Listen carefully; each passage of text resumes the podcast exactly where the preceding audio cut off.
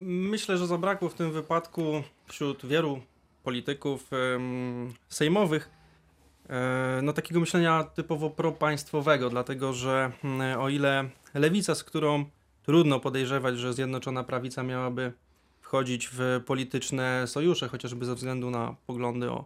e, historii, czy, czy, czy też pewne różnice, no, wręcz kulturowe, które są czasami ym, bardzo mocno podkreślane, no to jeżeli rozmawiamy o czymś tak oczywistym, jak uruchomienie miliardów mm, złotych, miliardów euro dla całej Polski, dla Dolnego Śląska, ale też Europy, bo e, gdybyśmy zwlekali z przyjęciem Krajowego Planu Odbudowy, to cierpiałaby na tym cała Unia Europejska, wszystkie kraje,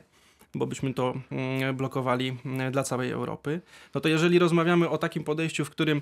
po to, aby uzyskać jakieś tymczasowe, tymczasowe korzyści polityczne, Platforma Obywatelska, czy właściwie Koalicja Obywatelska stara się ten plan odrzucić, tylko po to, żeby e, spróbować doprowadzić do jakiegoś przesilenia sejmowego, to jest to zdecydowanie postawa no, antypaństwowa. To, co, e, to, co robiła, mm, to, co, zrobiła Lewica, co ostatecznie zrobił też PSL, e, ugrupowanie pana mm, Szymona Hołowni, to jest y, coś, co zasługuje na pochwałę, dlatego że widać było, że mm, ci ludzie, którzy, których ciężko podejrzewać, ci posłowie, parlamentarzyści, których ciężko podejrzewać o sympatyzowanie z prawem i sprawiedliwością, y, y, położyli na stole, w tym wypadku głównie lewica, konkretne postulaty, które zostały spełnione, które zostały spełnione i, y, i to są też w dużej mierze postulaty, które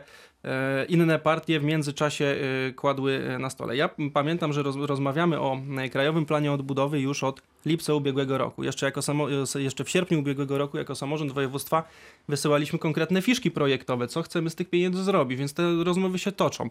E, Przez e, tak naprawdę cały marzec aż do początku kwietnia toczyły się konsultacje społeczne dotyczące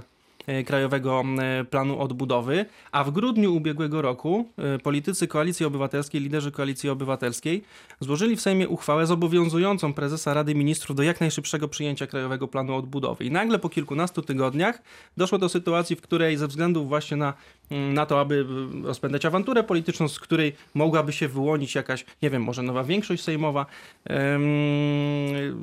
kładąc na szali 770 miliardów złotych, bo to nie jest tylko plan odbudowy, tylko cała ustawa o zasobach własnych, czyli także